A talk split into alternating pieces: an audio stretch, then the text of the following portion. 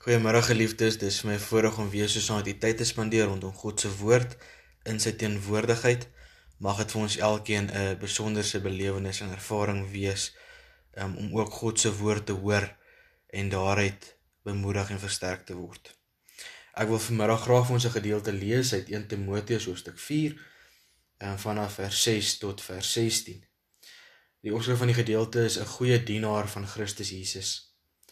As jy hierdie dinge aan die broers voorhou, sal jy 'n goeie dienaar van Christus Jesus wees wat jouself voed met die woorde van die geloof en die goeie leer waarvan jy 'n aanhanger geword het.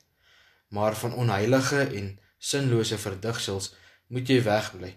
Oefen jou liewer om in toewyding aan God te lewe. Om jou liggaam te oefen het wel 'n bietjie waarde, maar om in toewyding aan God te lewe het in alle opsigte groot waarde want dit bevat 'n belofte van lewe vir nou en die toekoms. Dit is 'n betroubare woord en kan sonder voorbehoud aanvaar word. Met hierdie vooruitsig span ons ons kragte in en stry ons, want ons het ons hoop op die lewende God gefestig, wat die verlosser is van alle mense, van almal wat glo. Hierdie dinge moet jy die mense beveel en leer. Niemand mag op jou neersien omdat jy jonk is nie, maar wees jy vir die gelowiges 'n voorbeeld in woord en gedrag, in liefde, geloof en reinheid. Totdat ek kom, moet jy jou daarop toelê om uit die skrif voor te lees, te preek en onderrig te gee. Moenie die genadegawes wat jy het verwaarloos nie. Dit is aan jou gegee deur die profeseë deur die raad van ouderlinge jou die hande opgelê het. Lê jou op hierdie dinge toe leef daarin sodat almal jou vordering kan sien. Let goed op jou lewe en jou leer. Volhard daarin wanneer dit te doen, sal jy jouself red sowel as die wat na jou luister. Geliefdes, die gedeelte wat ons saam gelees het, word deur Paulus geskryf aan die jong man Timoteus. En dan kom gee hy vir hom 'n paar riglyne oor waarna hy moet uitsien en hoe hy sy geloof moet beoefen en moet behou. In hierdie gedeelte hoor ons dat die toewyding aan God belangrik is. Ons hoor dat jy jouself moet inoefen om aan God toegewy te lewe.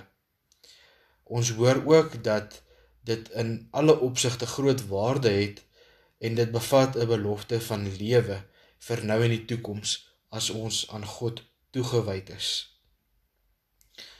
Geliefdes, ons hoor ook dat ons ons kragte moet inspann om te stry. Want ons hoop is op 'n lewende God gefestig, 'n verlosser van alle mense, van almal wat glo.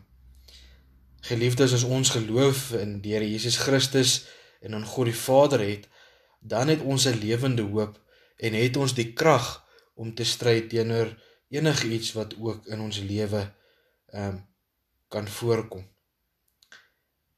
dan hoor ons ook later dat ehm um, ons moet volhard in ons lewe en ons leer en dat ons vir mense 'n voorbeeld moet wees in gedrag, in liefde, geloof en in reinheid.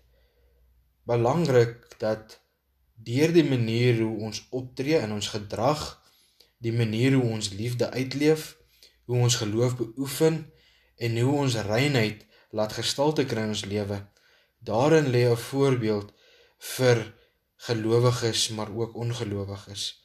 En daarvan getuig ons toewyding ook in ons verhouding tot God. Daar word ook 'n oproep in hierdie gedeelte gerig aan die gelowiges om te sê moenie die genadegawe wat jy het verwaarloos nie. Geliefdes, elkeen van ons het verskillende genadegawes en ons moet dit nie verwaarloos of daarin slap lê nie. Ons moet dit juis bekragtig en laat tot uitvoering kom sodat dit veral in ons lewe uitgeleef kan word. Daar word ook gesê lê jou op hierdie dinge toe, leef daarin sodat almal jou vordering kan sien. Geliefdes, as ons hierdie genadegawes uitleef, dan sal ons ook opgroei en vordering wys in ons verhouding met God. Let goed op jou lewe en jou leer, volhard daarin, want deur dit te doen sal jy jouself red sowel as die wat na jou luister. Geliefdes, ons lewe en leer en die volharding daarvan getuig op die einde van die dag oor waar ons werklik in ons geloofslewe met God is. En daarin lê daar vir onsself en ook vir ander redding, want hulle sal opkyk na ons voorbeeld en hulle sal luister na ons woorde. En daarom 'n goeie dienaar sal in toewyding tot God volhard en altyd uitsien na hoe Christus sy lewe rig en lei. Mag ons hierdie woorde van harte opneem in ons lewe en daardeur bemoedig word. Kom ons raak saam stil in gebed. Ons Here en Hemelse Vader, ons dankie vir u woord. Dankie dat ons daaruit mag lees. Dankie dat ons daardeur gelei kan word en daardeur kan insig en wysheid kry oor hoe 'n lewe toegewyd aan U lyk. Here, kom help ons om ons toegewydheid oefen en te beoefen, Here, sodat ons krag kan hê om ook die stryd te stry wat ook al oor ons pad kom elke dag. Dat ons sal weet U is saam met ons daarin. Here kom gee vir ons die wysheid en die insig om te weet hoe om die voorbeeld te wees in woord en gedrag en in liefde en dan ook in geloof en reinheid. Here ons kan dit nie uit ons eie krag of vermoë doen nie. Ons het U nodig en daarom vra ons vir U kom wees vir ons die lewende hoop deur die Heilige Gees om ook hierdie dinge gestalte in ons lewe te laat kry en dat dit ander kan inspireer en kan verander om ook in 'n verhouding met U te kom staan. Here, daar waar ons genadegawes het, wil U gee dat ons dit sal beoefen en sal uitleef elke dag so ander deur ons kan versterk en opgebou sal word.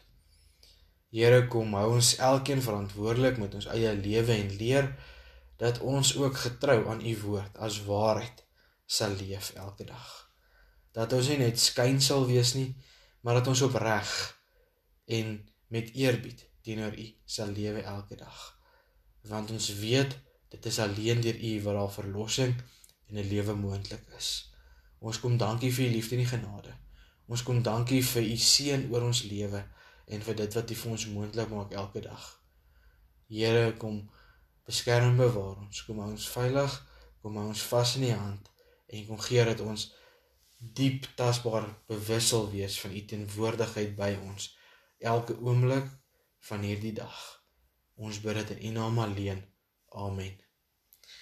Geliefdes 'n geseënde dag vir elkeen groete tuis